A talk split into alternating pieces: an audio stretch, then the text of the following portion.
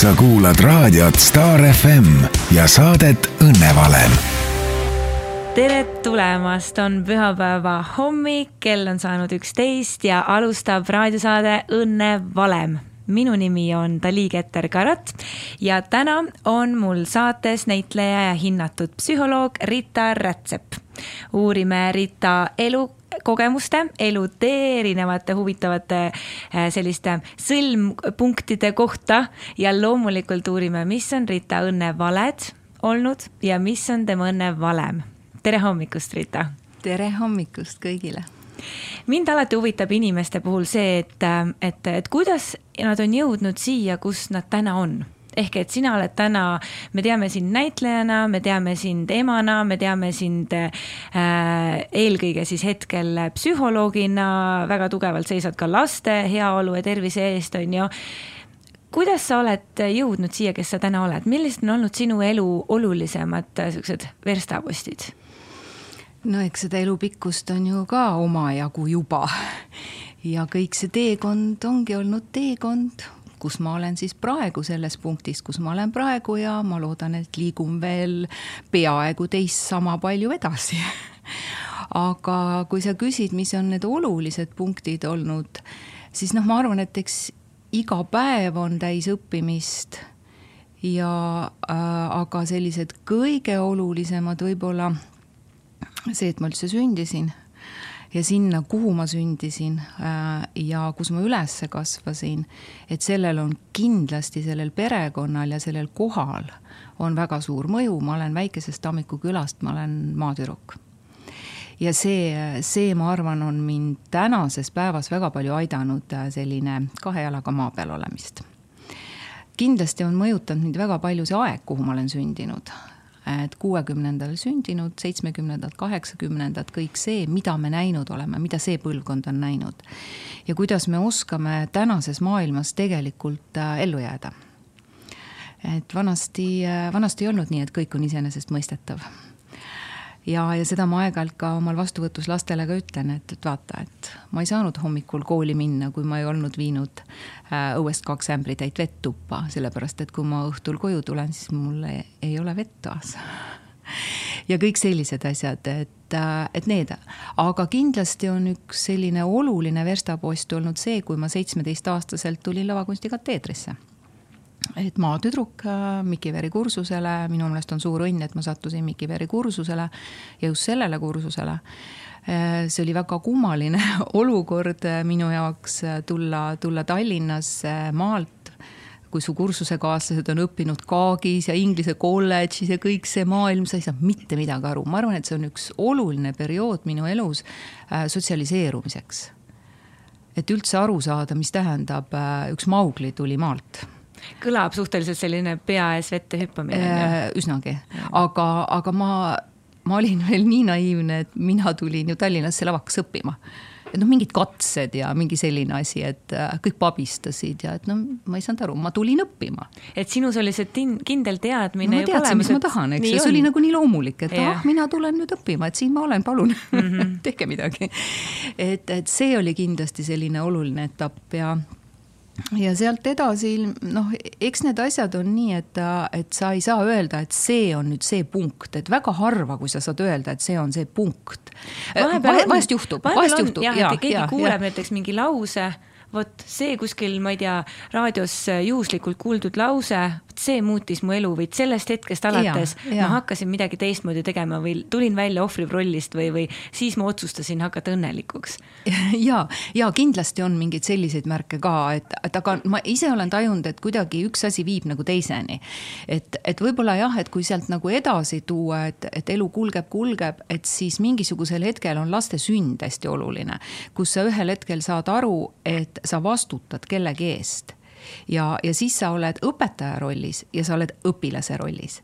ja, ja siis sa saad aru, et sa oled terve elu tegelikult nii õpetaja kui õpilane ja, ja, ja see periood, kui sa nagu äh, oled kellegi jaoks olemas tingimusteta äh,, eriti kui nad on väikesed lapsed, siis äh, see, kuidas sa ise lähed tahaplaanile ja kui vajalik see on ja sa nagu ei mõtlegi selle peale. Et, et seda nagu, paljusid asju me ju teadvustame tegelikult tagantjärele. minu meelest enamus asju me teadvustame. ja, ja, ja, et sellel see hetkel on. see tagantjärgi tarkus noh, kui ta on tarkus või see on üks asi ja teine asi on ka see, et sa nagu saad aru tagantjärgi seostest, et. et minul on äh, lapsest peale olnud see komme, et ma lähen nagu õhtul magama ja ma mõtlen oma päeva üle. Äh, ja tänasel päeval ma mõtlen ka oma elu üle, et, et mis, kui mina olen täna selles vanuses, mida tegid minu vanemad selles vanuses, mis oli see aeg selles ümber, et kus nemad parasjagu elasid, et mis, mis ajastu järk sellel oli ja nüüd ma mõtlen ka ennast mingis mõttes tagasi oma erinevatesse kodudesse, oma erinevatesse eluetappidesse ja siis vaatan, et kuidas nad on mind täna mõjutanud. ja kindlasti mõjutas mind väga tugevalt äh, minu äh, kakskümmend üks aastat kestnud kooselu laste isaga.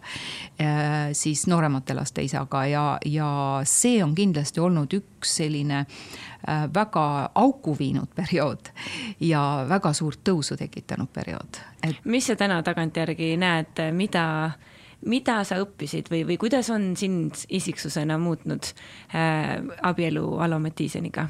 Aloga, ahah mm. -hmm Alo, ma just, ma mõtlengi, et kuna inimesed teavad väga palju, ütleme, Alo Mattiisen on väga-väga suurt äh, rolli äh, omandanud siin Eestis äh, kultuuriliselt ja kõik see on ju ja paljud teavad sind, kui Alo Mattiiseniga olite, olite koos noored ja kõik see on ju, et mida, mida sa sealt võtad kaasa ja mida sa siis oma teisest suhtest kaasa võtad?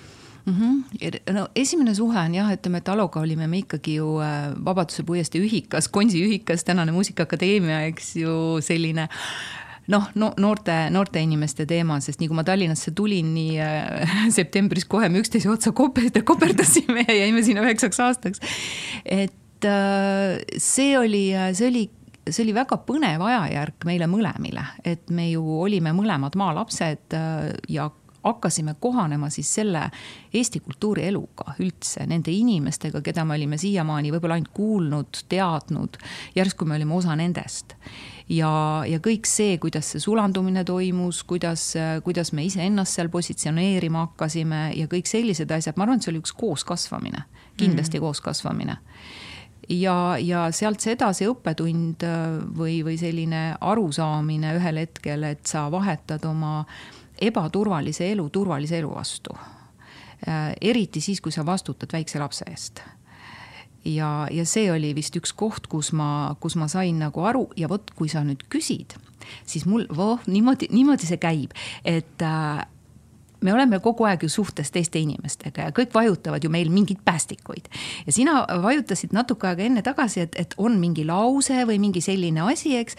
ja ma nagu ja, jah, noh, ma tean, et see võib olla ja nüüd tuli alateadvusest ülesse, et ma tõesti ja nüüd ma ei mäleta enam, enam, mis see oli, aga ma mäletan, et ma lugesin mingit luuleraamatut.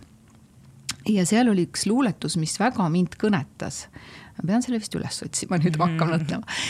ja, ja see oligi äh, nagu mõte või tunne sellega kaasnev, mis ma täna mäletan, oli see, et kuidas elu läheb mööda ja sa nagu hambad ristis püüad seda hetkes, selles hetkes seal olla, saades aru, et sa kaotad ennast. ja, ja see kõik on nagu nii, nii vale, mis sa teed. ja ma mäletan, et ma lugesin seda luuletust, näitasin seda Alole ja ütlesin, et midagi on väga-väga paigast ära. tegelikult, tegelikult peab midagi ette võtma. et see on, see on väga vale, mis me teeme et see rahulolematus äh, elu sellega. jah, jah, et see teadmine jõudis läbi selle luuletuse mm. -hmm. ja vot kui kahju, et ma selle peale varem ei tulnud, ma oleks saanud praegu võib-olla seda ette lugeda või vähemalt mm -hmm. viidata, eks, aga, aga ma mäletan seda tunnet. et ilmselt see luuletus ei tulnud juhuslikult minu juurde, et oli vaja seda äratust, et võib-olla aeg-ajalt ongi see mingi kellegi lause, kellegi mõte, äh, mõni, mõni kirjatükk, mis tekitab meis äratuse mm. -hmm et siis on hea see ära tunda mm. -hmm. ja noh, ütleme pikad äh, paarisuhted, äh, nagu sa mainisid, kahekümne ühe aastane abielu äh, kindlasti mõjutab ju väga palju seda, kes sa täna oled, kuidas sa oled kujunenud, juba see, et sealt sündisid ju järgmised lapsed sul emana, kõik see kasvamine ja kõik see, et muidugi kõik mõjutab, et ütleme äh, suht, suhe teiste inimestega on ju see, eriti nooremas, nooremas eas on see, kus me õpime nagu äh, tundma ennast läbi teiste, et sellepärast ka praeguses ajas äh, võtame need teismelised said ju koroonaga kõige rohkem pihta, sest et nende peegelneuronid ei saanud tööd mm. -hmm. et nemad ju õpivad, õpivad läbi peegelduse, saadan välja signaali, saan vastu signaali, töötlen ära, saan aru, kes olen mina ja nii edasi. see on nagu üks teema, aga selle kõige juures on selles suhtlemises ja suhtes ju see, et mõned inimesed teevad meist parema mina, kui me oleme. et nad suudavad meist välja tuua mingi sellise potentsiaali, milleks ma ise nagu ei olnud võib-olla teadlikki. ja sa tunned ennast tohutult hästi, sa tunned ennast väärtuslikuna ja nii edasi. ja mõned inimesed suudavad äh, vajutada sul selliseid päästikuid, kus sa ei saa nagu ise ka aru, et milline see sinu pime pool nüüd on. et sellest on hea teada saada muidugi, aga see on nii hirmutav, seda ju ei tahaks teada saada, aga samas teeb see meid tugevamaks. et, et selliseid, selliseid asju meil elus väga palju juhtub, et, et me kogu aeg õpime, õpime, õpime no täna eh, sain ma ka siin saate alguses sissejuhatuses kasutada sinu puhul väljendit eh, hinnatud psühholoog kust sa teadsid äh, või et kas sa teadsid või kust tuli see tunne, et nüüd ma tahan minna õppima psühholoogiat ja nüüd äh, minust saab äh, lisaks näitlejale ka psühholoog? no vaata, nüüd me jõuamegi nende samade märksõnadena, märksõnadeni, mida sa ütlesid, et ikkagi käib mingi klikk et asjad ei ole juhuslikud siin, et kui ma enne mainisin korraks seda luuletust, mis äratas mu äh, silmad äh, ja siis nüüd ma saan öelda seda, et, et olles pikas suhtes sellel hetkel elus, ma ühel hetkel sain aru, et niimoodi ma edasi ei saa ühest küljest oli see, et ma ei saanud teatris enam töötada, kuna mul oli sellel hetkel väga tugevalt hääleprobleemid. mul lihtsalt kadus hääl ära, lihtsalt kadus ära ja sealt ei tulnud ei piiksu, ei prääksu.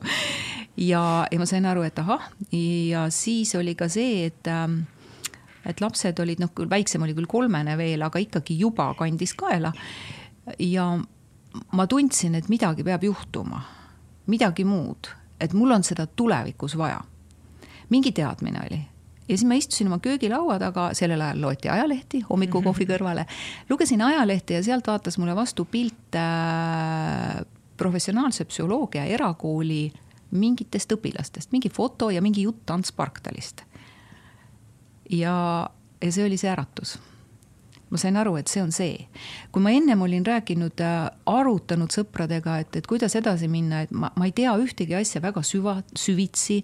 et ainuke, mis ma olen õppinud, on näitlejatöö noh, võib-olla selline emotsionaalse intelligentsuse pagas oli juba vaikselt olemas mingisugune, et ma teadsin nagu paljudest asjadest läbi oma laste, läbi elu mm. -hmm ja, aga et ei ole ühtegi asja, mida ma tean nagu põhjalikult, aga et mis võiks olla see elukutse kus saab haarata nagu kõike.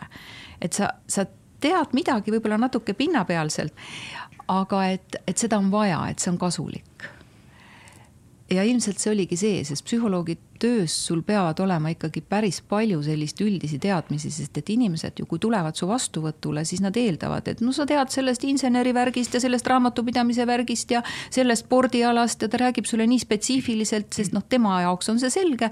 ja nüüd ta tuleb, räägib ja eeldab ka, et on selge, siis ma sain, oo mhm. kui hea, tütar ratsutas, poiss sõitis karti ja muud asjad, et, et sa oled nagu natuke pädev ja, ja see annab tegelikult inimesele ka sellise sellise kontaktitunde paremini et sa tead sellest, teisest või kolmandast ja noh, muidugi kõige paremad õpetajad tänasel päeval on ju kliendid, kes toovad ikka tohutult suure maailma sulle kätte, millega sa muidu nagu üldse kokku ei puutu.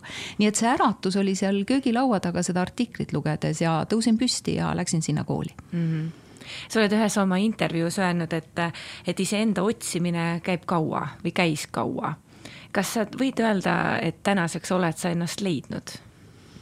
No tänaseks olen ma tänaseks ennast leidnud mm. -hmm. ma arvan, et see on teekond, see on, see on kulgemine, ma olen iseennast kogu aeg nagu kulgejaks nimetanud, et vahepeal sa otsid nagu oma teed, seda teed, mida mööda käia, et mis on see sinu siht või see sinu tee, et vahepeal kukud ühele poole kraavi, siis kukud teisele poole kraavi ja ronid jälle välja ja no sa pead ju teadma, mis kahel pool teed on, et missugune on siis see sinu tee. et ma arvan, et, et oi, palju on veel avastamist ees. ma väga loodan ja just need värvid ju ongi need, mis lisavad elule seda vürtsi ja seda põnevust ja, ja põhjust äh, elada, on ju. ja üks asi, mis selle juures on see, et, et mida ma enda juures olen avastanud äh, ja, ja ma olen selle üle tegelikult rõõmus, on selline teatud lapsemeelsus. ja, ja mitte selline lapsik olemine loomulikult, aga, aga, aga see lapsemeelsus just sellega, et maailm on nii põnev paik ta on nii huvitav, kogu aeg toimub midagi, et sa, et sa suudad seda vastu võtta, et sa ei, ei, ei jää kinni sellesse, et aga kogu aeg on nii olnud. et sa ei jää oma mugavustsooni äh,, mugavustsooni kinni, vaid, vaid vastupidi, et ahah, praegu on nii, okei okay,, kuidas ma selles nüüd toime tulen, äge, mängime seda mängu edasi. et, et võib-olla see avastamine ja selline avatult ringi käimine ja, ja selline uurimine ja puurimine on see, mis äh, ilmselt hoida, hoiab mind värskelt, värskena millal algas sinu enesearengu teekond? see on ka tõenäoliselt on ju selline lai valdkond ja, ja kes see siis oskab sinna näppu peale panna, aga, aga kui ma nüüd küsin su käest sellised, et kui me liigume sellest tee, nagu sinu eluteest nüüd sinna enesearengu maailma ja sinna psühholoogia maailma, siis äh, millal sinu eneseareng algas? sa korraks juba mainisid tegelikult, et sa juba lapsest saati mõtled õhtuti päevale tagasi, mis on äh, mis võib olla ka väga sügav vaimne tegevus, on ju. eneseareng, kui sa nii küsid, siis ma ei suuda ikkagi kuidagi seda eristada äh, sellest, sellest kogu sellest elust, et, äh, et see, kui ma juba sünnin siia ilma, kusjuures ma ma tean, kuidas ma tulin siia ilma, et ma olin kaheaastane, kui ma ema käest, me tuvastasime hiljem, et ma olin kuskil kaheaastane umbes. et ma mäletan seda, kuidas mu hing siia tuli, et ma mäletan seda ja ma küsisin ta käest, et kui vana ma olin, kui ma seda rääkisin. ja, ja siis tuli välja jah, et kahene kuskil, et, et ma valisin välja oma vanemad, ma valisin välja selle keskkonna, kuhu ma tulen, äh, selle lapsepõlvesõbranna, kellega ma olen siiamaani sõbranna. Äh, ja, ja ma nägin isegi tema ema ja, ja siis ma tulin kas see siis on niimoodi, nagu me, ma ei tea, kujutame ette, et kuskilt valgusest ülevalt tuled ja langed ja laskud siia ja, maa peale ja, ja, ja oli, oli aga kaheaastane kuuekümnendatel ei uh -huh. teadnud sellest mitte midagi. et, et ju seal ikkagi mingi selline asi on, et noh, hiljem nüüd igast uuringuid lugedes ja, ja, ja, ja kõike neid ennast noh, nagu nii-öelda äh, teadlikumaks tehes olen ma saanud aru, et jah, et see oligi nii, aga et ma rääkisin ju selle välja kaheaastaselt mm. -hmm et, äh, et see teadlikkus ilmselt, et see hakkas ju, sa, tuledki, see ongi eneseareng, sa tuledki siia ellu ja, ja nüüd sa hakkad siin ju õppima, kõik need situatsioonid, mis on, on sinu, sinu eneseareng ju, kõik on eneseareng mm. -hmm. ja aga paljud ei oska seda niimoodi mõtestada, paljud ei võta seda niimoodi, paljud on ikkagi mingisuguses oma sellises äh, no vähemalt kuidas mina näen, mis see eneseareng on, ongi see, kui ma õpin vaatama ennast võib-olla, ennast nagu natuke kõrvalt, hakkan ennast eraldama oma tunnetest, hakkan analüüsima, hakkan küsima mingeid küsimusi. näiteks ongi, miks ma siin olen või mis on minu elutee või mis on minu ülesanne siin elus või miks ma käitun nii, nagu ma käitun. kust mu mustrid pärinevad, kui, kui on olnud väga korduvat, korduvat, korduvate mustrite või sarnased sõprus või, või paarisuhted on ju. et kui me hakkame küsima teatud küsimusi iseenda käest või elu kohta või, või enda elutee kohta, et siis kuidagi hakkab see niisugune ärkamine iseendasse pihta. et ühelt poolt tõepoolest me kõik elame ja kõik oleme siin, aga mitte kõik ei küsi neid küsimusi, mõni hakkab neid küsimusi küsima alles äh,, ongi, mõni hakkab küsima varakult, teismelisena, on ju. mõni hakkab alles äh, seal kolmekümnendates, mõni hakkab alles seal viiskümmend, kuuskümmend, alles seal hakkab küsima neid küsimusi, et ma olen elanud terve oma elu ära, ütleme pea, no ütleme suures pildis. mul on väga suur elu juba osa elatud. aga et mis ma üldse, miks, miks ma üldse tulin siia? et mm -hmm. hakkavad hoopis sellised küsimused hoopis oluliselt hiljem kui teistel mm. -hmm, mm -hmm. jah, et eks, eks meil ongi kõigil erinev äh, tee käia ja erinevad ülesanded siin lahendada, et miks me siia tulime. küsimuste küsimine täna ma tean, on väga hea tehnika äh, aga see ongi see mingisugune teatud teadlikkus, mis tekib paljusid asju me teeme iseenesestmõistetavalt ilma selle taha teaduslikku sellist seletust panemata. ja, ja ma arvan, et see küsimuste küsimine on saatnud mind siiski kogu elu mm. -hmm. et miks ma näiteks niimoodi käitusin? Äh, ma mäletan, et äh, mul tuleb praegu hästi meelde, ma olen selle üle ka varem mõelnud, et ma mäletan, et kui ma väikse lapsena midagi luuletasin, midagi välja mõtlesin seda võib nimetada ka valetamiseks. Äh, aga, aga pigem oli see fantaasia. ja, ja ma mõtlesin, et huvitav, et miks ma niimoodi teen Lähed õhtul magama ja mõtled, näed, täna ma mõtlesin sellise loo välja ja tegelikult valetasin. et miks ma niimoodi tegin? mis asi see oli, mis minuga juhtus? ja, ja siis sa saad aru, et sa tahad tähelepanu saada, ma tahtsin huvitav olla, ma tahtsin endale tõmmata tähelepanu mingi huvitava looga, et kõik kuulaksid mind. ja ma sain mm, -hmm ja, ja sealt hakkas see selline teadlik jälgimine, mida jälle tänasel päeval sa tead, et seal on vaatleja roll ja nii edasi, eks. aga, aga ma ei tea, ma tegin seda kogu aeg ma olen väga suures imetluses praegult sinu suunas, eh, kui sa ütled, et eh, sa juba no lapsena oskasid endalt küsida, et miks ma käitusin nii, nagu ma käitusin ja sinna tuli taas see vastus, et ma tahtsin saada tähelepanu mm. -hmm. ja siis tuli see nagu, et see sihuke mitmedimensiooniline iseenda nägemine juba lapsena, uskumatu, nii ilus, paljud ei ole täiskasvanunagi sinna jõudnud tead, kui ma mõtlesin seda, et kust see võis tulla, siis äh, ma arvan, et siin on suur roll minu vanematel. Sellepärast, et Äh, kui nüüd äh, rääkida siin lastest ja sa ütlesid, et äh, võitlen laste, laste eest ja nii edasi, et ma pigem, pigem nagu arvan, et ma püüan neid mõista, et, et ka lapsevanemad mõistaksid, et lapse käitumise taga on muutunud emotsioon tema sees ja kust see tulnud on, et ei ole lihtsalt, et laps käitub halvasti, et pigem on see, et mida halvemini ta käitub, seda rohkem on ta tegelikult hädas. ta otsib vastuseid ja, ja ma hakkasin mõtlema, et mis asi see on, et, et kui ja, äh, ilmselt minu vanemad kuulasid mind. see oli üks asi ja äh, mida ma ise veel mõtlesin, oli see, et, et nad küsisid alati, et äh, mida sa tunned? Mm.. ja üks asi oli see, mis mul on nagu, nagu ema häälena on kõrvas, ta küsis, Rita, mis juhtus et, et kunagi ei olnud seda, et noh, muidugi pahandati, ma sain vitsa ka. aga, aga see oli selline, jälle õpetati põhjus-tagajärge muide ma räägin kohe sellest ka. aga, aga just nimelt see, et mis juhtus, paneb mind nagu mõtlema, et oot, aga mis nüüd juhtus ja kui ma kukkusin näiteks, ma kukkusin väga palju, sest ma olin, ma ei tea, täielik Maugli, siis, siis jälle oli see, et, et mis juhtus, sa tormasid, võtame teelehe, paneme sinna peale varesele valu, varakale haigus ja ära torma nii palju, mõtle, kui sa teed. et see, see on nagu üks selline asi. mul läks meelest ära, mis ma tahtsin rääkida. põhjust, põhjust-tagajärg. põhjust-tagajärg, õige, see on vitsa saamine.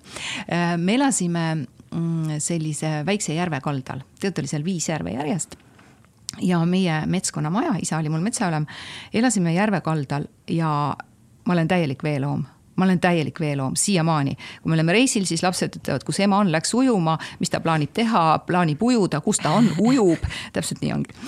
ja, ja siis äh, ma ronisin kogu aeg sinna vee äärde ja ema oli väga mures, sest et tema oli osakonna brigadir, sõitis hästi palju ringi, ma olin väga palju üksi ja, ja siis äh, kippusin vee äärde ja muidugi ema muretses ja alt naabrinaine ütles, et, et see, kui sa ütled lapsele, et ära mine, sa upud ära ja emme on kurb ja nii edasi, ta ei saa aru mm. -hmm. ta on väike mingi neljane, mingi selline, aga anna talle sirakas vastu sääri, siis ta saab aru, et kui ta sinna läheb, siis ta saab haiget, ta saab vitsa.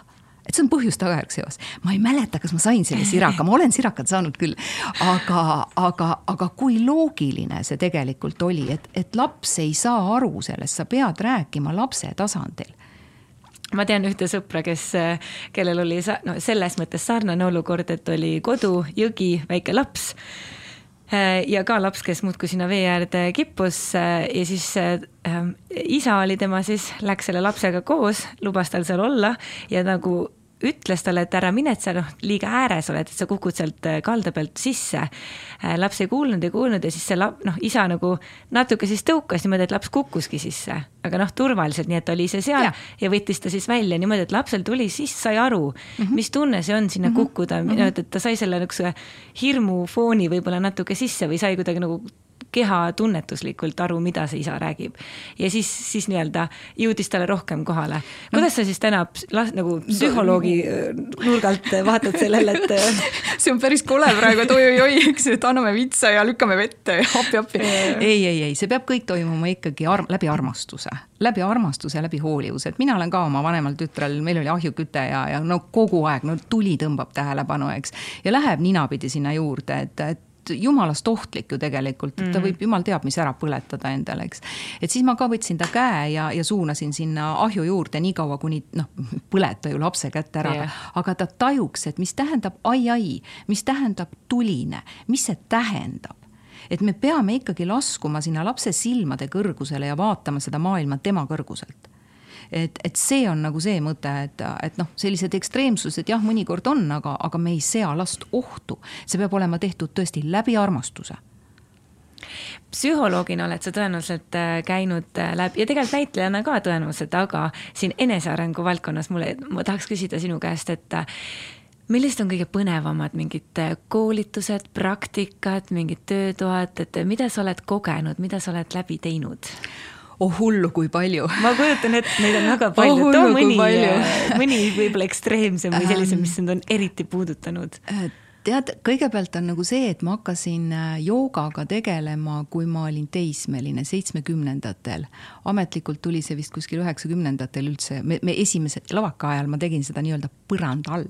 Mm.. Enlooga tegime tööjõureservide seal kuskil, see oli võimlemise, tal oli võimlemise abc oli tal raamat ka selline, et no oleks poliitiliselt korrektne, et me tegime siis joogat, aga see oli nagu rühmvõimlemine oli selle nimi. Lihtsalt hästi aeglane on ju. ja lihtsalt hästi aeglane ja vahepeal hingame, eks. Aga seitsmekümnendatel oli minu äh, raviarst, ma olin hästi palju haige lapsena ja, ja see ilmselt on sellel ka mingid omad põhjused. aga, ja ongi, aga seal oli Raimond Lihtmaa, tänaseks päevaks teda ikkagi teatakse juba natukene esoteerilisemast küljest siin. ja, ja tema oli see, kes avas mulle joogamaailma niimoodi, et teismeline tüdruk kuskil külas venitas ennast ja hingas. ja see oli päris huvitav ja ilmselt hakkas see sealt kuidagi nagu kasvama ja kasvama, sellel ajal sai kätte ainult materjali, mis oli siis nii-öelda käsitsi trükkisin, ma õppisin seda masinakirja koolis ja siis kopeerpaber vahel, siia peab vist olema tõlge noorematele, mis on kopeerpaber, et sa võtad nagu kaks paberit, paned vahele paberi ja kopeeriga ühesõnaga teed ja trükid käsitsi ja niimoodi sadu lehekülgi ma trükkisin, osad on mul siiamaani alles, osad olen kahjuks välja laenanud ja sinna nad on jäänud. ei mäleta ju enam.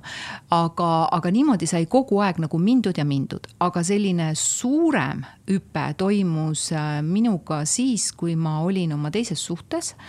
Selles samas pikas kakskümmend üks aastat kestnud suhe, mis, mille eest ma olen väga tänulik ja just ka veel selle juures tänulik, et see lagunes. et see oli, see oli minu jaoks üks selline tohutu kasvamise lugu ja, ja seal ma hakkasin oma sellisele tugevale sisemisele rahulolematusele ja arusaamatusele, et ühest küljest on sul tohutult turvaline keskkond ja sulle kogu aeg öeldakse, et kõik on nagu noh, nagu nii hästi ja, ja, ja, ja võrdle, võrreldes teistega, kui hästi sul on ja kui tänulik sa pead kogu aeg olema ja kuidas sa pead välja teenima kõik selle ja siis sa saad aru, et jaa, et noh, kui ma kõrvalt vaatan, on küll hästi, aga et ma olen nii üksi selles kõiges. ja, ja, ja nagu et noh, midagi nagu on ja midagi ei ole, on hästi ja samas sa tunned, et midagi on nagu nii valesti. ja vot siin on see väike õnnevale sees, et kus sa nagu hakkad endast alla suruma, sellepärast et tegelikult on ju kõik hästi. ja, ja, ja sa ei saa kontakti oma selle tegeliku vajadusega, sellega, mis su sees nagu äh, karjuma hakkab noh, mul seal lõpuks tekkisid füüsilised hädad, mis olid äh, emotsioonide keskus oli niivõrd tugevalt kannatada juba saanud, et ma tegelikult jäin füüsiliselt haigeks ja see oli äratus. aga, aga siis ma hakkasingi tegelema selliste praktikatega.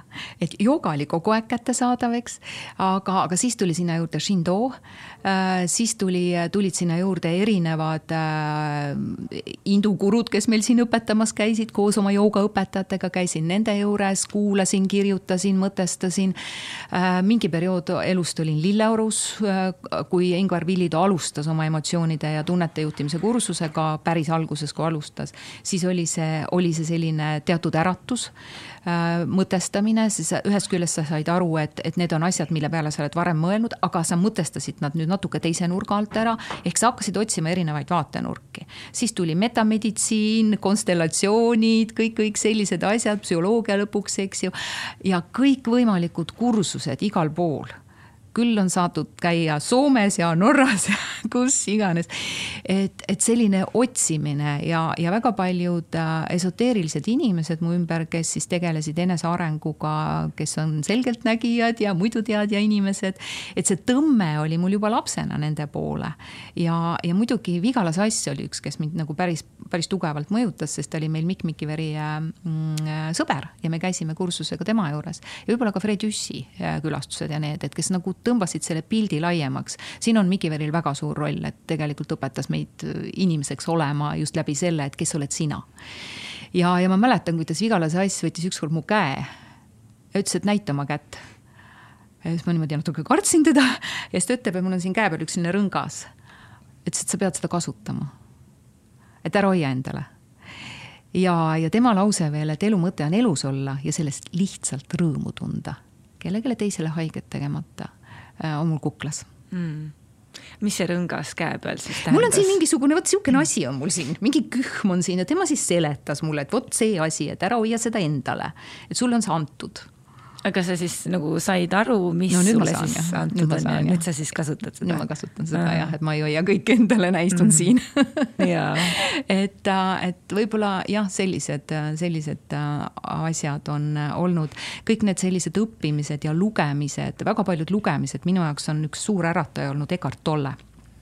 Tolle raamatud olnud sellised, mis on nagu äh, noh, nii nagu sa ka, vot kui huvitav, päris alguses ütlesid, et meil on ju mingid filmid, mis, mis tekitavad äratused, ka minu, minu teises suhtes oli, kui esimeses suhtes oli äratuseks üks luuletus, siis teises suhtes oli üks film kus, kus tõepoolest ja vot kuidas mälu äh, kustutab ära need algallikad, et mis see oli. aga sa mäletad seda tunnet, et sa vaatad seda filmi, sa istud kodus, vaatad oma mehega koos seda filmi ja sa saad aru, et sa pead püsti tõusma ja ära minema või, või selle asja ära lõpetama. sest et, äh, et elu on midagi muud, et sa kaod selles elus ära, et sa ei tea enam, kes oled sina mm. -hmm. kuidas siis leida üles uuesti see, kes siis sina oled, ma arvan, et äh, väga palju on neid inimesi, kes justkui äh, samamoodi käivad ühel koolitusel teisele, käivad ühest suhtest teise, vahetavad töökohti siin-seal, elavad erinevates kohtades, justkui püüavad muuta väliselt äh, hästi palju erinevaid äh, nüansse. Ähm, ja, ja, ja siis on ikkagi see tunne, et väliselt on ju kõik hästi, aga sisemiselt olen ma üksi, kadunud, õnnetu, kuidagi ebapiisav on see tunne või, või midagi sihukest tunned, et midagi on väga valesti jah, vot siin on ka see, et, et võib-olla üks selline vale ongi see, mis mind võib-olla ka natukene saatis, oli see, et ma surusin ennast nende, nendesse raamidesse, uskudes, et see on hea. ja, ja, ja kui sulle veel kõrvalt ka nagu seda kinnitatakse, et, et see, see on hea ja samas tõstetakse oma staatust läbi sinu allasurumise. ja, ja sina nagu tunned, et sa polegi väärt või et, et sa oledki väärt seda, mis sul parasjagu on et jah, mitte et sa ei ole väärt, vaid sa oled väärt seda, mis sul on. ja sa pead olema, sa pead olema selle eest nagu tohutult tänulik. mõnes mõttes on see õige, eks, aga kui see tuleb läbi teise inimese allasurumise ja temalt vaba tahte äravõtmise ja, ja temaga mitte, teda mitte, mitte kuulates, temaga mitte arvestades, et, et, et sul teisel pool on tegelikult noh, ma ei saa öelda just nagu päris padupsühhopaat, aga nartsissist kindlasti. ja, ja, ja vot see, kuidas nartsissist hakkab inimese ajudel töötama, on uskumatu fenomen, seda, see on nii kihvt, et ma olen seda oma elus kogenud. ma saan nüüd teisi inimesi aidata mm. -hmm. ma saan aru, mis loogika on nartsissisti peas ja, ja, ja tõesti on väga palju selliseid olukordi, kus inimesed elavad selles suhtes või selles olukorras, on see tööalane, on see mis iganes. ja, ja nad kuskilt maalt nagu saavad aru sellest, et, et midagi on valesti, aga nad müüvad endale maha selle, et tegelikult on kõik hästi. ehk see on mugavustsoon, see ei tähenda seda, et sul on mugav vaid sa oled harjunud sellega. või siis äh, nagu mulle ikka meeldib, kuidas Tiina Tiitlus on öelnud selle kohta, et äh, tema kasutab, et see on mugav harjumustsoon ahah, see on päris hea lähenemine. minu meelest ka. et, et tegelikult me tahame olla mugavustsoonis omadega, aga see, kus me ei taha olla, on mugav harjumustsoon. just, väga täpne, tõesti väga hea, ma panen kohe selle endale kuskile. vot niimoodi jälle õpime, eks ju, jälle õpime, jälle sain targemaks, näed, tänane päev asja ette läinud, eks ju. au ja kiitus Tiina Tiitusele, ega see ei ole ka minu, minu lause, see ei ole see, seda ma ei ole sealt kuskilt välja lugenud, aga eks me loemegi seda, mis meil sellel hetkel vaja on, eks mm, -hmm. et, et ilmselt ei olnud seda märganud, aga tõesti, äh, mulle endale meeldib, äh, ma ei mäleta jälle, jälle kust kuuldud, aga, aga see, et elu jooksul me vahetame oma arengu turvalisuse vastu. et me oleme selles mugavustsoonis, äh, me müüme selle endale maha, me usume, et see on nii, me toimetame seal iga päev, hommikul tõuseme, õhtul lähme magama, aga me midagi tajume, aga me kogu aeg nagu surume seda, seda alla. et, et me nagu tõesti müüme selle maha, me teeme iseenda suhtes jube head müügitööd, eks. et, et, et, et see arengust keeldumine on meil väga tihti, sest et äh, loomulikult see on mugav, see on tuttav, miks ta on mugav, ta on tuttav, ta on turvaline, ta on ette ennustatav äh, ja nii edasi. aga kui ma sellest välja astun, et loomulikult ma ju tean, et võiks olla parem, aga kus ma tean, et on tegelikult parem, et meid saadavad ju kogu aeg hirmud. ja mind saatis see samamoodi, kuhu sa lähed väikeste lastega, kuhu sa lähed? sa vahetad oma mugava, turvalise elu, vahetad millegi vastu, mille vastu? ja siis, kui sa oled selles sellises äh, selles elus äh, ja ühel hetkel sa hakkad nagu aru saama sellest, et, et sa tegelikult väärid ju ikkagi parimat. tegelikult mul on see, see, see sisemine tahe tuleb seest välja, kuidagi sa küsid küsimusi vot just seesama, et mida ma tahan, mida ma, istud maas ja mõtled, et mida ma tahan. mu Norra õpetaja ütles niimoodi, et mõtle igas olukorras, kuidas on sulle täiuslik.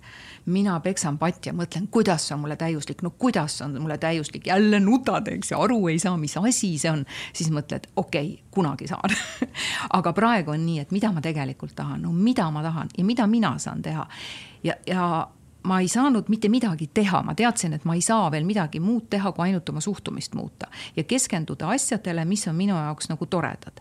ja, ja, ja ma läksingi väga palju just sellesama enesearengu ja õppimise ja kõige suunas, mis tähendas seda, et ma panin ka natuke kinni oma naisenergia. ja siis hakkab teine pool, hakkab rohkem survestama, sest ta ei saa enam seda negatiivset energiat, ta ei saa seda, millest tema toitub. ja siis tekib võitlus ja siis ühel hetkel sa saad aru, et jess, see on see see on see, et mina panen piirid, mina panen piirid, minust ei minda enam niimoodi üle. ja siis teine pool nagu noh, hakkab süüdistama sind. Sellepärast, et tal on vaja see negatiivne energia ju kätte saada, temal on ju toitu vaja, eks ju, sina oled ju süüdi. ja siis hakatakse nagu selles iseenda täius, ebatäiuslikkuses nõudma teiselt täiuslikkust et, et, et see kõik oli nagu nii huvitav protsess, aga sellel hetkel muidugi kohutavalt valulik mm. -hmm. aga, aga ja sa ei saa aru, see on nagu õpitud hiljem, eks, ja, ja kogu selles protsessis sa ühel hetkel äh, hakkadki teadma, et nii, minu mõte on see, see, see, see mul on vaja seda, seda, seda. Ja üks äratus jälle, vaata kuidas me jõuame äratusteni välja, see on huvitav. et, äh, et see esimene impulss on ilmselt see, mis meil siin üldiselt oli, eks, ja mm. nüüd ta tuleb siis nüanssidena välja äh,. oli, oli see, et mu tervis oli juba täitsa, täitsa pekkis sõna otseses mõttes. ja, ja ma käisin jälle oma jogaõpetajaga, kes oli minu kõrval päris palju, Ragnar Kurm, suured tervitused talle. ja, ja ta viis mind siis ühe, meil oli üks kursus siin korra aastas käis üks, üks Indu õpetaja siin. Ja siis tema võttis mind nagu füüsiliselt ette, et, et vaadata, mis mu tervisel viga on. Ja ta tegi, tegi mulle õudselt haiget, ta tegi mulle füüsiliselt nii haiget, et Ragnar läks ruumist ära, sest ma niimoodi nutsin, see oli nii valus, see oli mm. nii põrgu valus. Aga see on see, et ta surus ühte punkti. Lõpuni, lõpuni, lõpuni, ma tundsin, et ta küünarnukk läheb läbi minu kõhu põrandasse, see oli räme valu. ja, ja sellest valust tuli läbi tulla ja, ja siis, äh, siis kui ta selle nagu turvaliselt nagu selle käe sealt niimoodi noh, nagu ära lõdvest, mitte järsku ei võtnud, vaid niimoodi vaikselt võttis selle ära, kehas tekkis soojus. siis ta vaatas mulle otsa ja ütles, Rita, just run mm. -hmm. oligi kõik ja siis ma sain aru, jess, see on see. aga, aga jah, see on selline. kas sa tegid siis pärast seda ähm,, jooksid sa siis? ei, ei, äh, see ei pea, sa ei pea füüsiliselt jooksma, tark ei torma. sa ei pea füüsiliselt jooksma, et äh, kuhu sa jooksed, kuhu sa jooksed selle kolme lapsega, kuhugi ei jookse. aga, aga, aga sa saad aru, et sa saad muuta mingit suhtumist, mingit suhtumist sa saad muuta ja sa saad luua endale turvalise tsooni iseenda sees et mul oli iseendaga väga hea olla. ma lõin oma maailma. Ja universum ju kuuleb, ta ju saab aru, ta ju loeb su mõtteid ta ju saab aru su siirastest taotlustest, ta on valmis, aga see tuleb siis, kui sina oled valmis. ja see ise peab esimene olema ja, ja siis. ja, aga sa pead teadma, mis mm -hmm. sa tahad, see ei ole see, et ma istun ja palvetan ja visualiseerin, hullult visualiseerin, kuidas ma tahan. no ma tahan jalgratast ja ma tean, et öeldakse, et kujuta ette, kuidas sa sellega sõidad ja nii edasi, milleks sul seda vaja on, seda ratast mm. -hmm et, et, et kõik need asjad sealjuures. Ja, ja ilmselt oli vaja seda tohutut füüsilist valu, äh, tohutut seda emotsionaalset valu, sellest oli vaja välja tulla. Ja siis saatus tegi nii, et ma sain ühel hetkel öelda, et palju sul pakkimiseks aega läheb. Aga see, see nii-öelda nii tugeva valu tekitamine kõlab natuke hirmuäratavalt ja kõlab selliselt, et tahaks kuidagi küsida, et kas see tõesti siis oli, oli õigustatud, oli põhjendatud, tegi see sulle suures pildis head? Igalühel on oma tee igalühel on oma tee. ja et... omad meetodid on ju, kuidas nad õpetavad. aga need asjad ja... tulevad meie juurde, ega mina mm -hmm. siis ei tellinud seda, et keegi mulle haiget teeks. see lihtsalt tuli, ilmselt minul oli seda vaja, eks ju, ma ei saa ju öelda ka, et, et andke oma lastele sirakas vastusääri, et põhjus-tagajärg seoseid õpiks mm. -hmm. ei, ei, kindlasti mitte. usaldage oma sisetunnet ja, ja lihtsalt laske asjadel mõnikord juhtuda, lihtsalt juhtuda, et me hakkame emotsioonide pealt asju lahendama, me hakkame emotsioonide pealt kuskile tormama, see on impulsiivsus. loomulikult meil on eluaeg olnud see, et tugevam impulss tõmbab tugevamalt tähelepanu, eks, ja me lähemegi selles suunas, jookseme või põgeneme, eks. aga mõnikord on vaja hingata ja võtta kuus sekundit ja mõelda, mis on see tegelik põhjus, mis tuli. lihtsalt ainult kuus sekundit sa oled väga paljusid erinevaid asju proovinud ja katsetanud ja see nimekiri tõenäoliselt jätkuks, jätkuks veel kaua. kas on midagi, mida sa kahetsed, mida sa praegult mõtled, et vot seda oleks pidanud mitte tegema?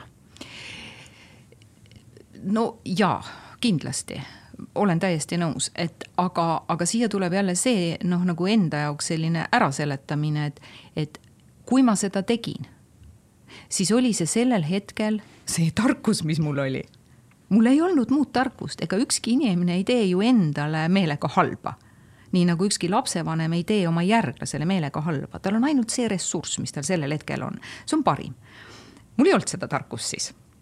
täna võib-olla mul on natukene rohkem tarkust, ma väga loodan, et viie aasta pärast, vaadates tänast päeva, on mul veel rohkem tarkust, ma väga loodan ja kui ma nüüd vaatan, siis oleks mõned asjad võinud jääda tegemata mõnda asja oleks saanud võib-olla teha teistmoodi aga üks asi viib ikkagi kuidagi teiseni ja ma arvan, et see teekond, mida sai läbitud kõikide oma kukkumiste, valesti tegemiste, ebaõnnestumistega on ju see, et noh, et okei okay,, ebaõnnestusid, no ebaõnnestu uuesti, aga ebaõnnestu natuke paremini mhm. lihtsalt.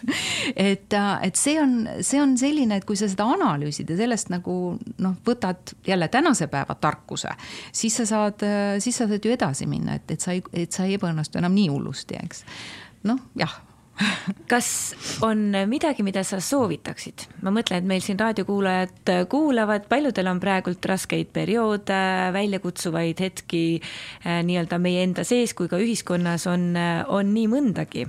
kas on midagi, mida sa, mida sa soovitaksid, et mida, ma ei tea, iga inimene võiks kasvõi korra oma elus ära proovida või midagi sellist, mis sind väga aitas ja mida sa nüüd vot oma parimale sõbrannale võiksid soovitada? eeldusel, et siis nüüd kõik raadiokuulajad on su parimad sõbrannad ja no vot siin on see, et, et siin tuleb nagu vahet teha sellele, et kas ma ütlen, et tehke nii. et kui äh, see, see töötas võib-olla minu puhul sellel hetkel. ja, ja nüüd, kui ka no ütleme psühholoogi töös, siis ma mäletan, et kui me õppima hakkasime, siis kadunud Henn Mikkin käskis meil kirjutada või noh, palus meil kirjutada kaustikusse esimese lause esimeses loengus. nõustaja ei anna kunagi nõu. ja, ja miks see on nii? et, et kui ma ütlen kellelegi, et tehke nüüd nii, siis see töötas minu puhul ja ma tahan teile parimat, ma tean, et see töötas, see oli väga hästi, eks ju, noh, mõnikord me teeme oma lastel seda, eks, ütleme, et tee nii, sellepärast et see on hea, mina hea. tean, minul on kogemus. see on minu kogemus. Ja nüüd, kus ma tean, et teisele head tehes ma talle tegelikult head teen. Sellepärast et tal on vaja oma teekond läbida ja nii edasi, tal on vaja oma kukkumised kukkuda. ma võin talle öelda, et minu meelest, minu arvates või minul töötas, see on sinu valik sest muidu ma võtan ju vastutuse teise eest enda peale. et noh, mida, mida mina saan välja pakkuda, on, on võib-olla just seesama vaatleja roll või kuidagi mitte samastuda nende emotsioonidega ja nii edasi, ma teen ju tohutult palju, ma võin öelda, ma teen tohutult palju koolitusi ju äh, tänu Mare Borgile, kes mind selle teekonnani viis. Ja läbi, läbi minu lahkumineku tuli see, et, äh, et ma hakkasin koolitusi tegema ja, ja tõesti ka väga palju just see, et kuidas tänases maailmas toime tulla. Ja, ja igaüks peaks ikkagi leidma ise selle lahenduse, sellepärast et äh, midagi ei ole teha, igaüks on oma õnne, õnnesepp ja üks on see küsimuste küsimine ka, et aga mida, mida ma praegu tunnen ja kuidas ma tahan ennast tunda ja mis on see, et mina saaksin seda ise teha. ja, ja mida, mida rohkem me tõstame oma teadlikkust iseendast ja sellest, mida ma vajan, et see teadlikkuse teema, et seda ma küll kümne aasta käinud ja koolitanud, eks.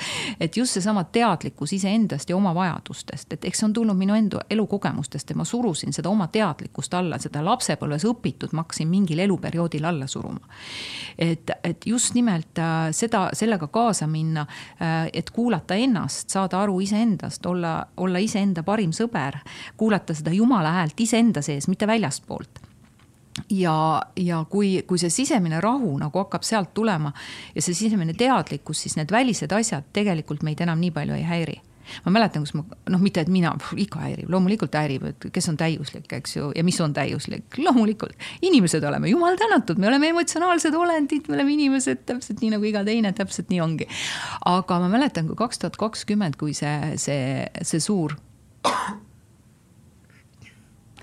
see suur selline, see koroonalaine tuli, siis äh, ma läksin, ma elan Kalamajas, läksin väikesesse, tänaseks enam mitte toimivasse Lisanna kohvikusse, võtsin sealt, mu tütar töötas seal, võtsin sealt oma smuuti, jalutasin läbi tornide väljaku oma töökohta päike paistis, vaikne oli, ei olnud neid Soome turiste, missa tässä tölki, sorry, aga, aga nii oli. ja, ja kõik see oli kuidagi nii mõnus ja nii rahulik ja nii ilus ja see päike oli nii soe ja, ja siis järsku seisis mu ees üks vanem mees, vaatas mulle otsa, ütles, issand, naeratav inimene. ja siis ma nagu korra mõtlesin ja mõtlesin, et ahaa, teate, kena päeva teilegi, naudime ja minu poja nelja-aastane ütles ka ükspäev, et emme, ole ettevaatlik, varsti tulevad politseinikud ja arreteerivad sind. siis mingi, et ohoh, kõlab põnevalt, et mille eest nad siis mind arreteerivad. siis ta mõtles natuke, ütles selle eest, et sa oled nii õnnelik. Siis ma ütlesin, et vot, selle eest nad, et mida ta nagu diskur-, noh, nagu nii huvitavalt, et mida, mida siis see ühiskonna kohta räägib, et õnnelik olla on natukene ikka äh, äh, kuidagi et selle eest arreteeritakse, kui sa liiga õnnelik oled. aga sa tead seda, mis su laps välja ütles? su laps ütles välja selle hirmu, mis meid kõiki kogu aeg on saatnud läbi, läbi kultuuri. et ma jõuan ka oma klientide töös üsna tihti küüditamiseni välja mm.. see küüditamine istub meil kogu aeg kukil. võib-olla see on ka mingi eestlase selline loomuomane kadedus, et parim, parim toit on teine eestlane, kui me seda mantrat kanname, siis nii see ka jätkub, eks. aga, aga kui me võtame selle, et, äh, et kui kunagi oli keegi kellestki parem, siis see hirm olla kellestki parem oli, oli see, et, et kui sa erined teistest, oled, oled midagi paremini teinud, oled rohkem saavutanud, siis äh, on see see koht, kus äh, rong ootab. mis on sinu jaoks üldse õnn, mis on õnne valem? kas, kas sinu jaoks on sellist asja nagu õnne valem olemas? Nii, ma mõtlesin selle peale, tead seda, ma mõtlesin selle peale vist sellepärast, et saate pealkiri on selline. aga, aga ma mõtlesin selle peale, et üks, üks, mille ma siin ka välja tõin, oli, oli Vigala Sassi lause, et, et äh, tegelikult üks õnnevalem on see, et äh, olla elus lihtsalt olla elus ja sellest rõõmu tunda. et sul on olnud võimalus tulla, tulla siia midagi õppima. Äh, sul on antud võimalus ja, ja tõepoolest äh, tunne sellest rõõmu. et kõik, mis siin elus on, on kogemus. ükskõik, äh, see hinnang, mis me oma peas annan, et see on halvasti, see on pahasti, appi, mis nüüd juhtus, kõik sellised asjad, see on juba hinnang, siin hakkab juba ego tööle. aga kui sa mõtled selle peale, et see on sinu kogemus ja nüüd tuleb seesama Norra õpetaja lause, mõtle igas olukorras, kuidas see on sinu jaoks täiulik, täiuslik Mm -hmm. nii et see võib olla äh,. siis ma mõtlesin veel selle peale seesama õppija ja õpetaja roll kogu aeg, et olla õppija ja olla õpetaja. et teadvustada seda endale, et, et sa kogu aeg õpid ja sa kogu aeg kellegi jaoks oled ka õpetaja, kui ta tahab õppida see on tema valik juba, aga sa oled paratamatult suhtes teise inimesega, sa oled nii õppija kui õpetaja rollis ja, ja, ja kogeda neid äh, kogeda ja, ja koguda neid kogemusi, sest et äh, ei ole asi vanuses, vaid asi on selles, kui palju sul on kogemust. ja kogemus on see, mida sa oled oma elus äh, äh, ära kogenud ehk teadvustanud ja läbi mõtestanud, mitte lihtsalt noh, tundsin seda või teist, vaid just kogemus. loodusrahvad ei küsi kunagi, kui vana sa oled vaid küsivad, mis on su kogemus selle teise või kolmanda asjaga, mis on sinu kogemus. ja, ja kogemus ongi see läbiteadvustamine ja, ja õppida nendest toimunud asjadest, et mis, mis kogemuse ma sellest sain, mis õppetunni ma sain. ja, ja võib-olla, võib-olla see enda tundma õppimine on ka üks õnnevalem, kui sa tunned ennast äh, nii palju kui võimalik seda pimedat poolt ja kõike sellist, et kui sa ikkagi analüüsid ja õpid ennast tundma, siis sa tunned ennast tugevamalt ja sa tunned ennast õnnelikumalt, sellepärast et keegi teine ei saa sind enam nii palju mõjutada. ja, ja, ja kõige selle juures on armastada ennast. Mm.. sest me oleme kõik täiuslikud sellistena, nagu me oleme tegelikult. Aga noh, me tahame ju kõike muud ja nii edasi ja vot siis juhtubki see, et ma võrdlen ennast sinna või teisele poole, noh, tänapäeva noorte teema sotsiaalmeedia, eks ju mis võtab ära neilt olla, olla võimalus olla õnnelik, sest kuskil on alati midagi paremat. aga, aga noh, see on see võimalus teha soovide tasakaal ka kõige selle juures, eks. aga, aga just nimelt see, et armastada sellisena, nagu ma olen ja see ei ole ülbus, vaid see on see, et aa, aga kui ma tahaks midagi teistmoodi, mida mina saan teha selleks. aga ikkagi, ma olen see, kes ma olen ja ma armastan ennast. ja võib-olla ka inimesi, kes, kes su ümber on, võtta sellistena, nagu nad on ja mitte panna neid oma, omale soovitud raamidesse ehk oma sellises piiratuses siis nõuad, nõuda teistelt siis täiuslikkust, eks ju, et, et ta, tema see täiuslikkus tähendab siis seda, et ta mahub minu raamidesse. ka see võtab mult võimaluse ära olla õnnelik sa varasemalt äh, rääkisid, et, et, et kui sul oli see väljakutsuv abielu hetk, kus sa märkasid, et, et väljaspoolt justkui on kõik täiuslik ja, ja kõik võimalused on olemas ja, ja justkui, et, et mis sa virised, et ole õnnelik, on ju. aga seestpoolt tegelikult oli tühjus, üksindus äh, ja, ja selline nagu raske oli olla, et sa olid üksinda, sa olid õnnetu. mis, mis on selle põhjus sinu hinnangul, et meil võib olla väliselt kõik need asjad olemas, aga ikkagi sees on ikkagi tühjus no ma arvan, et minu puhul oli see, et ma müüsin endale seda kogu aeg maha. et ma, ma kogu aeg nägin seda, kui hästi kõik on kui hästi kõik on ja, ja ma uskusin seda ja ma kuulasin seda ja teised ütlesid seda ja kodus öeldi mulle seda ja ma ise ütlesin endale seda ja, ja ma hakkasin lõpuks seda uskuma. ja ma ei kuulanud seda, mis toimub tegelikult minu sees ehk et enda kõrvalepanek, endaga mitte kontaktis olek, enda. see teadlikkus endast, just, et seesama teadlikkus endast, oma vajadustest, oma piiratusest ja kõigest sellest, et, et see võib olla see, kui ma, kui ma hakkan kuulama oma kõhutunnet, oma sisehäält. ja see ei ole ego ja see ei ole see, et ma surun seda teisele peale.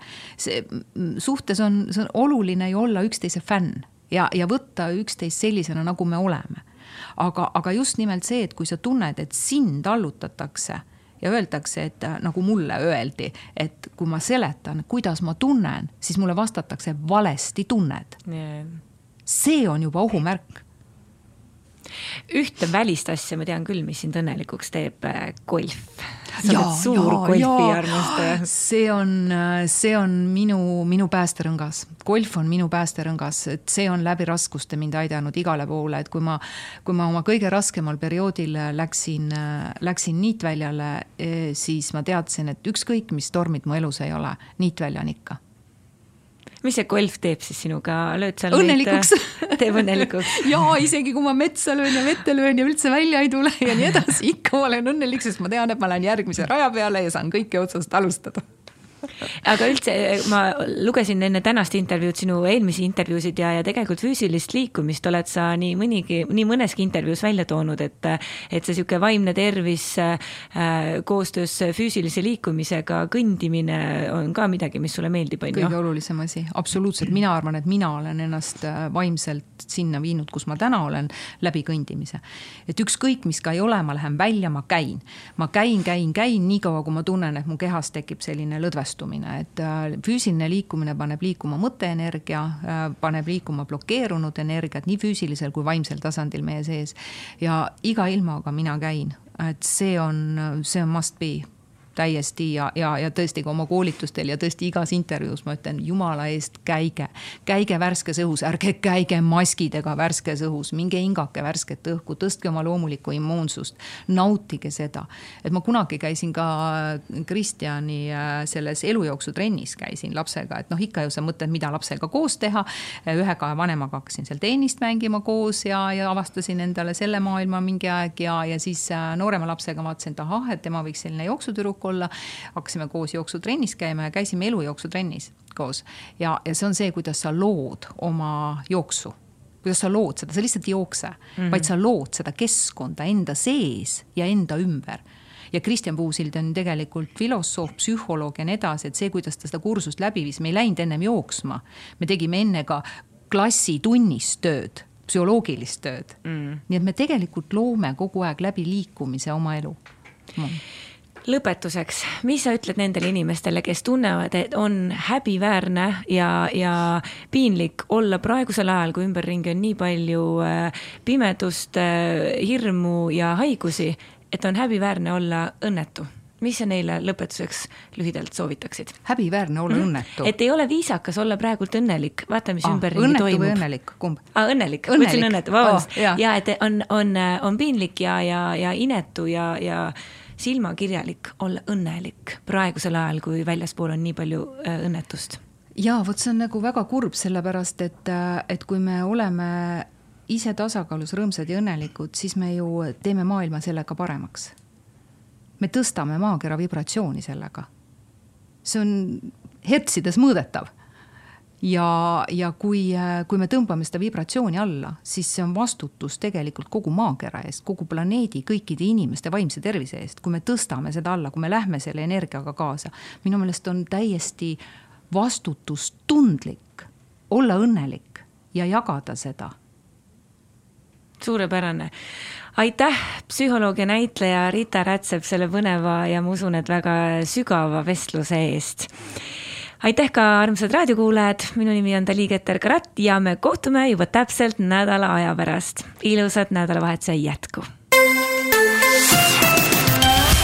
uus raadiosaade Õnnevalem on eetris igal pühapäeval üheteistkümnest kaheteistkümneni. saated on järelkuulatavad Raadio Star FM kodulehel